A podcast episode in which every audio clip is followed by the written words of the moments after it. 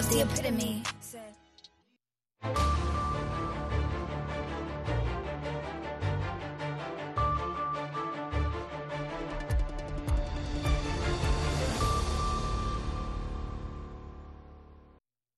Halkani waa laanta af soomaaliga ee v o a oo aad ka dhegeysanaysaan mawjadaha gacgaaban efemada geeska africa iyo caalamka oo dhan oo aad nagala socotaan boggeena v o a somaly com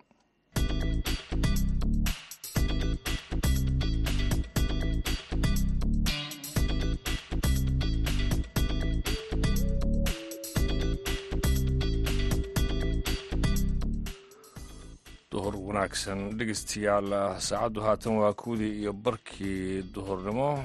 Xilliga geeska africa waa maalin khamiisa siddeed iyo tobanka bisha january ee sanadka labada kun iyo afar iyo labaatanka. Idaacaddeenna duhurnimo ee barnaamijka dhallinyarada maanta waxaa idiin soo jeedinaya anuga ibraahim xasan daanduray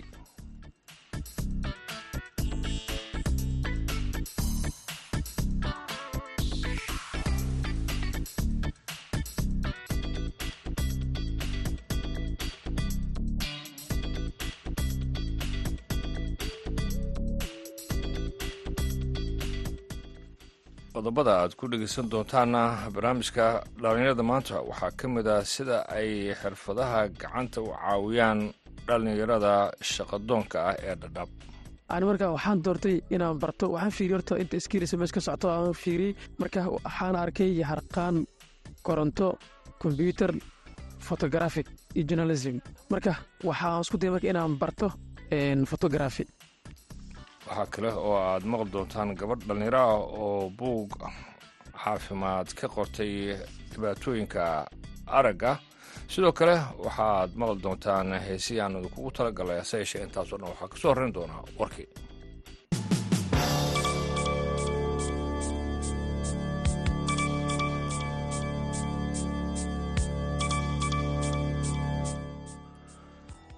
sheexna daawa oo loogu talagalay dhowr la haystayaal oo ku jira gacanta kooxda xamaas ayaa gaaray khaza kadib markii faransiiska iyo qatar ay dhexdhexaadiyeen heshiiskii ugu horreeyey ee israa'iil iyo kooxda xamaas tan iyo xabajoojin toddobaad qaadatay bishii november afhayeenka wasaaradda arrimaha dibadda ee dalka qatar majiid al ansari ayaa waxaa goor dambeeto arbacadii ah uu ka iclaamiyey baraha bulshada ekis oo hore u ahaa twitter-ka in shixnadaasi ay u gudubtay khaza isagoo aan sheegin in daawadaasi la qeybiyey iyo in kaleeto. Sarkaal sare oo ka tirsan xamaas ayaa waxa uu sheegay in sanduuq kasta oo la siiyo lahaystayaasha ah kun sanaadiiq oo dawo ah loo diri doono falastiiniyiinta. Heshiiska ayaa sidoo kaleeto waxaa ku jira in gargaar bini-aadminimo la gaarsiiyo dadka degan dhulka go-doonsan ee dhanka xeebta. Heshiiska waxaa kale oo ka mid ah in ka badan boqol maalmood oo colaad markaasi aanay muuqanin in ay soo dabcayso ama ay soo afjarmayso in la kaalmeeyo dadka halkaasi jooga. Dalka bakistan ayaa waxaa la sheegay in uu u yeertay safiirkiisii u fadhiyey tehraan arbacadii maalin kadib markii iiraan ay duqeyno dhanka cirka ay ka furisay gudaha bakistan oo ay sheegtay in saldhigyo ay la beegsatay koox gooni u ah oo sunniya islaamabad ayaa waxay dhalaacisay weerarkaasi oo ay ku tilmaamtay xadgudub qaawan oo dhinaca hawada ah waxaana ay sheegtay in weerarkaasi lagu dilay laba caruura duqeynaha cirka ee ka dhacay dalkaasi bakistan talaadadii gobolka koonfur galbeed ee bulujistan ayaa waxa uu wiiqay xiriirka diblomaasiyadeed ee labada dal ee dariska ah laakiin labada dhinac waxaay u muuqdaan kuwo iyagu ka feejigan in midba kan kaleeto uu ka cadhaysiiyo.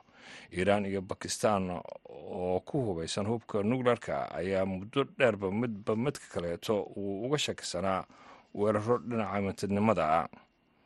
Weerarkan ayaa wuxuu sare u qaaday halista gacanka hadalka iyo rabshadaha ku sii fiday bariga dhexe oo uusan xasilin dagaalka israa'iil ay kula jirto xamaas ee marayka ghaza. Iiraan ayaa sidoo kaleeto waxaa la sheegay in gelinkii dambe isniintii ay duqeyn cirka ah ay ka fulisay dhanka ciraaq iyo suuriya oo ka dhashay weerar ismidaamin ah oo ay sheegteen kooxda daacish oo ay ku dhinteen in ka badan sagaashan qof horlaantii bishan ciraaq ayaa idna u yeeratay safiirkeeda iiraan si markaasi ay wadatashi ula yeelato warkiina dhegeystayaal waa naga intaas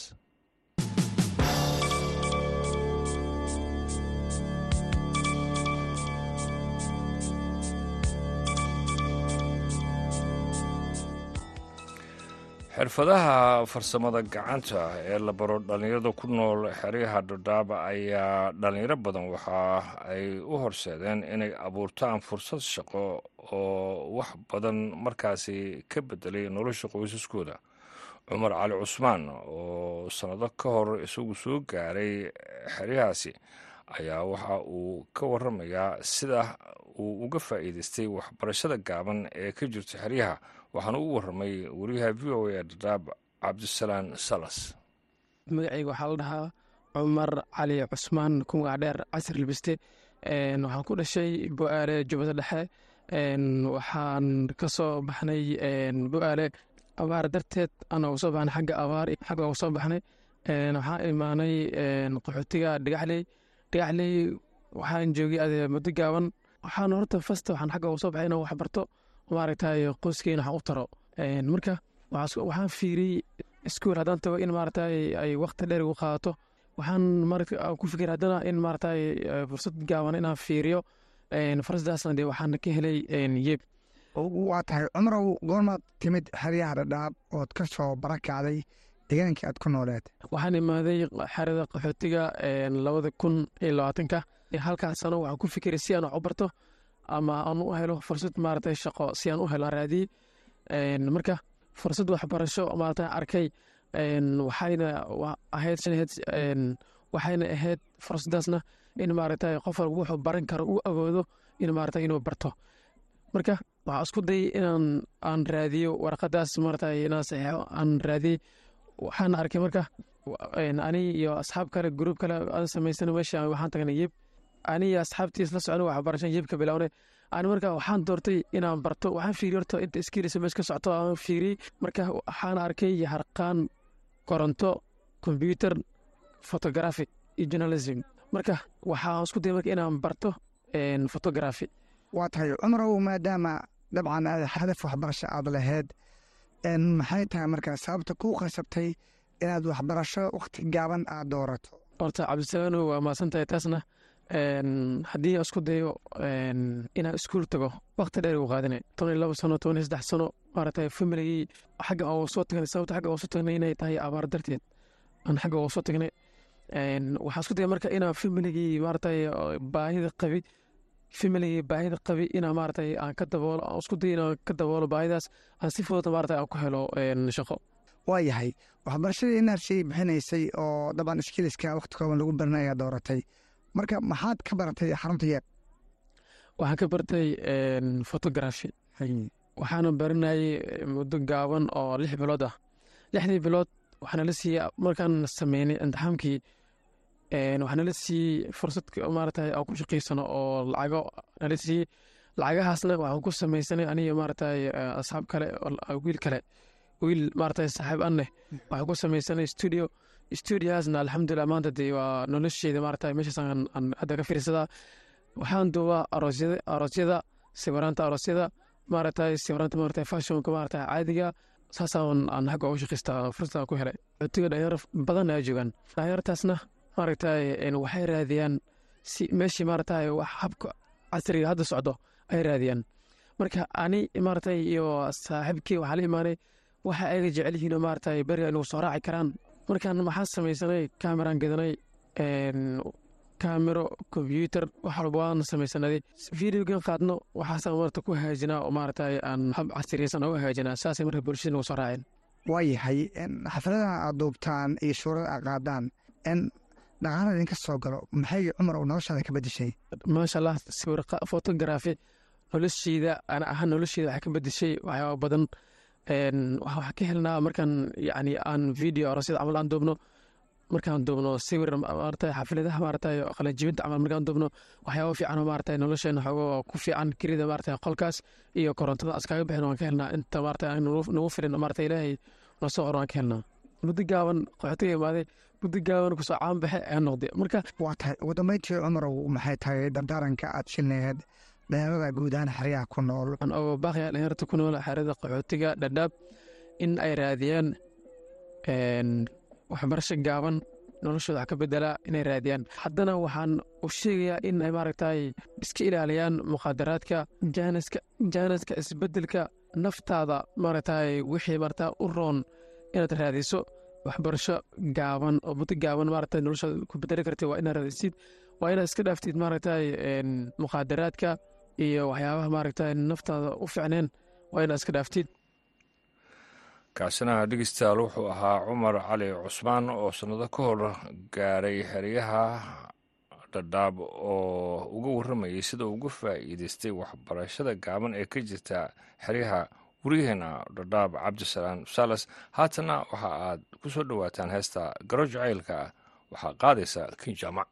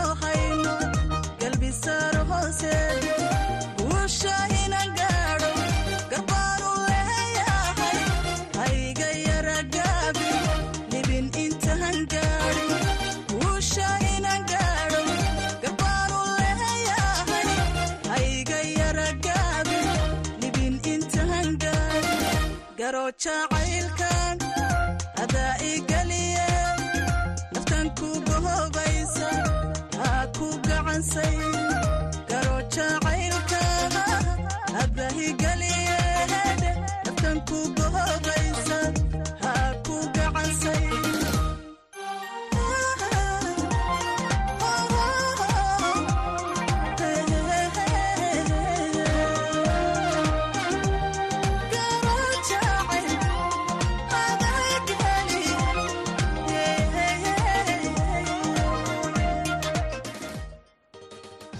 heestaasi garo jacaylka waxaa qaadaysay kinja ama halkaa dhegeystayaal weli nagala socotaan waa idaacaddeenna duhurnimo ee barnaamijka dhalinyarada maanta oo idinkaga imaaneysa washington. Gabadh dhalinyaro ah ayaa magaalada boosaaso waxay ku soo bandhigtay buug ay ka qortay arrimaha caafimaadka gaar ahaan indhaha. Buuggaasi dhaayo kaab ayay qoraaga waxa ay diiradda ku saartay waxyaabaha keeni kara in qofka uu ku dhaco indha xanuun oo badanaa lagu arko dhalinyarada isticmaasha baraha bulshada maxamed yuusuf waakan bandhigga buugga dhaayakaab oo ay qortay gabar dhallinyaro ah ayaa diiradda ku saartay arrimaha caafimaadka gaar ahaan badqabka indhaha iyo weliba sida loo ilaalin karo caafimaadka indhaha. Inta bandhigga buuggan uu socday ayaa si aada waxa looga hadlay dadka isticmaala moobilada xilli kasta gaar ahaan kuwa ku jira khadadka internetka waxaana buugga uu tilmaamayaa in indha xanuunka ay ka qaadaan bulshada moobilada ay mar kasta isticmaalayaan. Khatro cawad maxamuud oo ah gabadha buuggan qodhay ayaa ku dheeraatay ahmiyadda ay u qortay buuggani iyo faa'iidooyinka uu leeyahay bulshada ay u soo bandhigtay. Kale marka buugga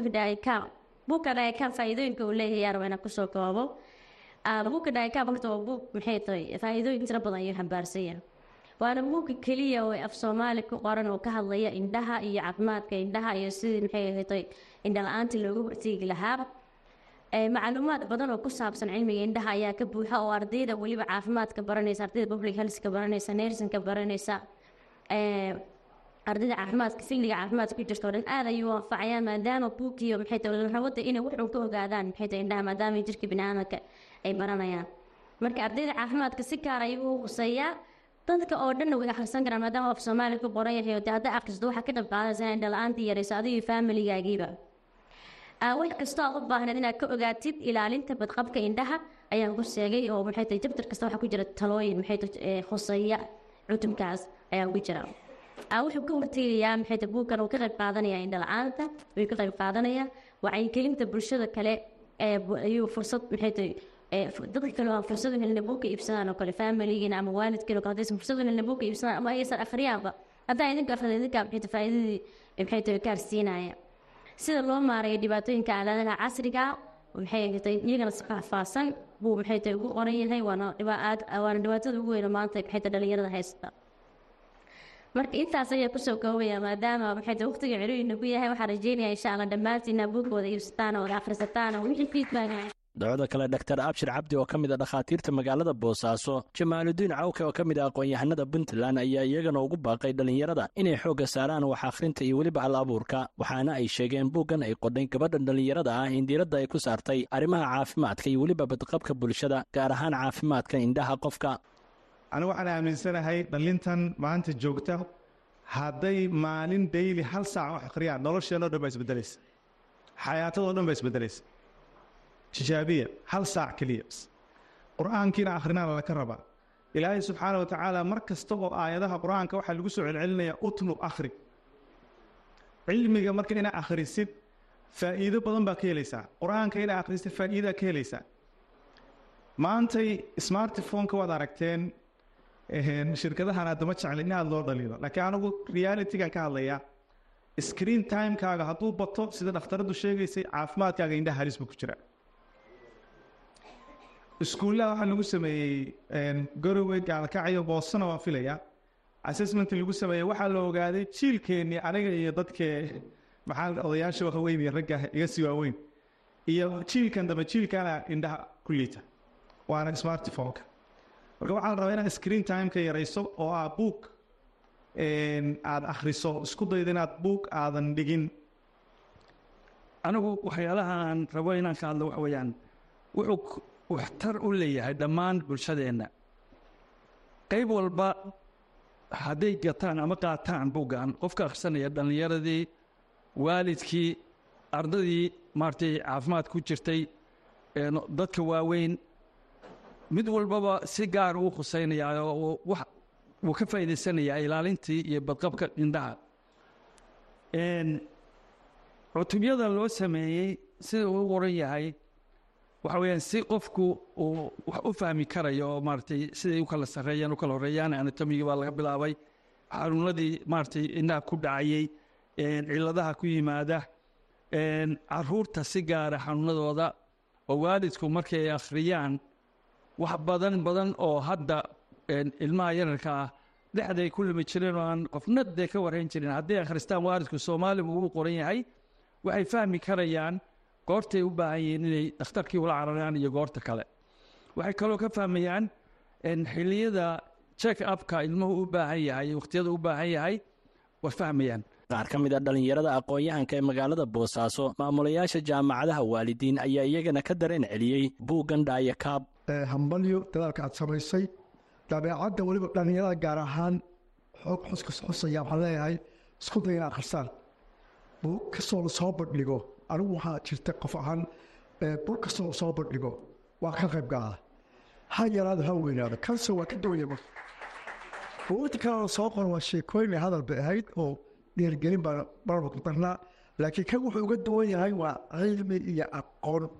Waxaa caqabad noqotay arrinka fog ee lumaya. Markii okayaalahan la siiyo kadib sanadka sanad kasta wuu sii kordhayaa meyniskuu sii kordhayaa hadhow maxaa ka dhalanaya? In shabakadii ay wax noqoto. In uu ku furnaandhihii kabafaaba ku in xanuunkii hadaayta doctorad sheegaysa vision qofku luminayay oo ay jirilata microgeneration uu ku yimaado qofku markuu weynaado. Waxyaalo badan baa ka imaanaya oo boorkarisma iyo ay sababayso halkii waxaa ku soo koobaya buuggan cilmi aada u badan buu xambaarsan yahay.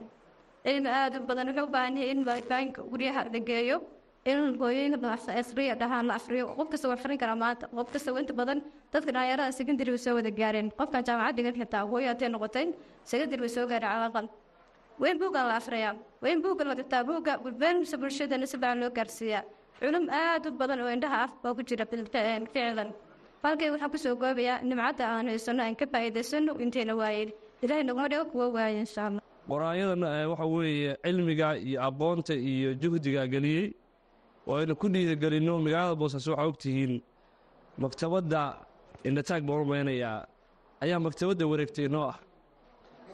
Waxaan rajaynayaa insha allahu tacaala magaalada boosaaso waa magaaladii aqoonta waa magaaladii waxbarashada waa magaaladii ganacsiga waxaan rajaya innagoo bahda jaamacadaha kaashanayna shirkadaha kaashanayna golaha deegaanka degmada boosaaso oo aan ugu horrayno oo guddoomiye ku-xigeenka haddayna kala joogo iyo guddoonkeennaba inaynu magaalada boosaaso bandhigyada kuwan ku xiga inaynu helno maktabadaynu ku soo bandhiganno gacmahanaynu isu qabanno insha allahu tacala taana inaan ka wada shaqayno. Titooradda buuggeeda waxaan u malaynayaa waa buuggii ugu horreeyey ee ugu faa'iidada badnaa intaan buug soo arkayey waayo indhaha wax ka muhiimsan ma jidho qofka bini'aadamka u haysto oo waxaad ogaanaysaa marka adoo qol ku jira ee korontadu kaa tagto ood guri dhurgashid oo aad waxba arki weydid iyo meela u dhaqaaqdid markaasaa waxaad dareemaysaa nimcada indhuhu ay leeyihiin. In qofku dadaalo oo indhihiisa ka warqabo oo uu ciyaadada la xiriiro oo uu indhihiisa ka warhayaana waa wax muhiima. Yuusuf maxamuud v o e boosaaso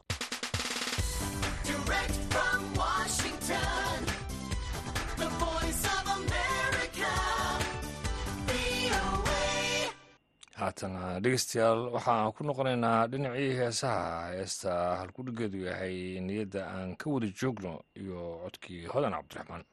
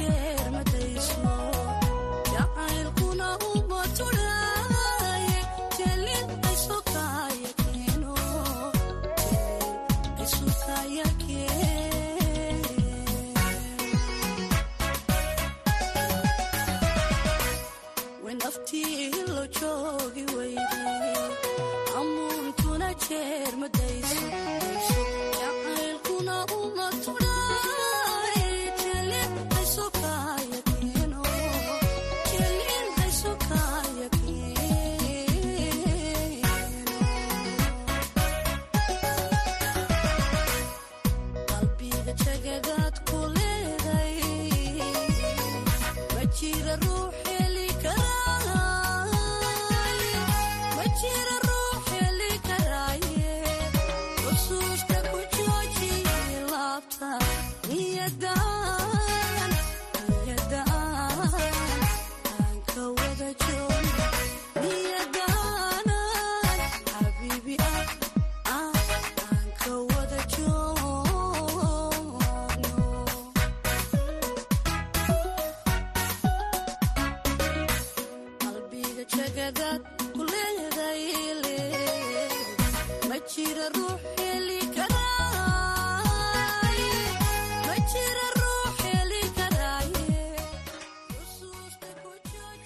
dhegeystayaashaasi niyadda aan ka wada joogno ay qaadaysa hodan cabdiraxmaan waxay ugu dambeysay idaacaddeenii duurnimo ee barnaamijka dhallinyada ee maanta. Waxaan idiin soo jeedinaya anuga ibraahim xasan daanduray intaan mar kale kulmi doono nabadgelyo.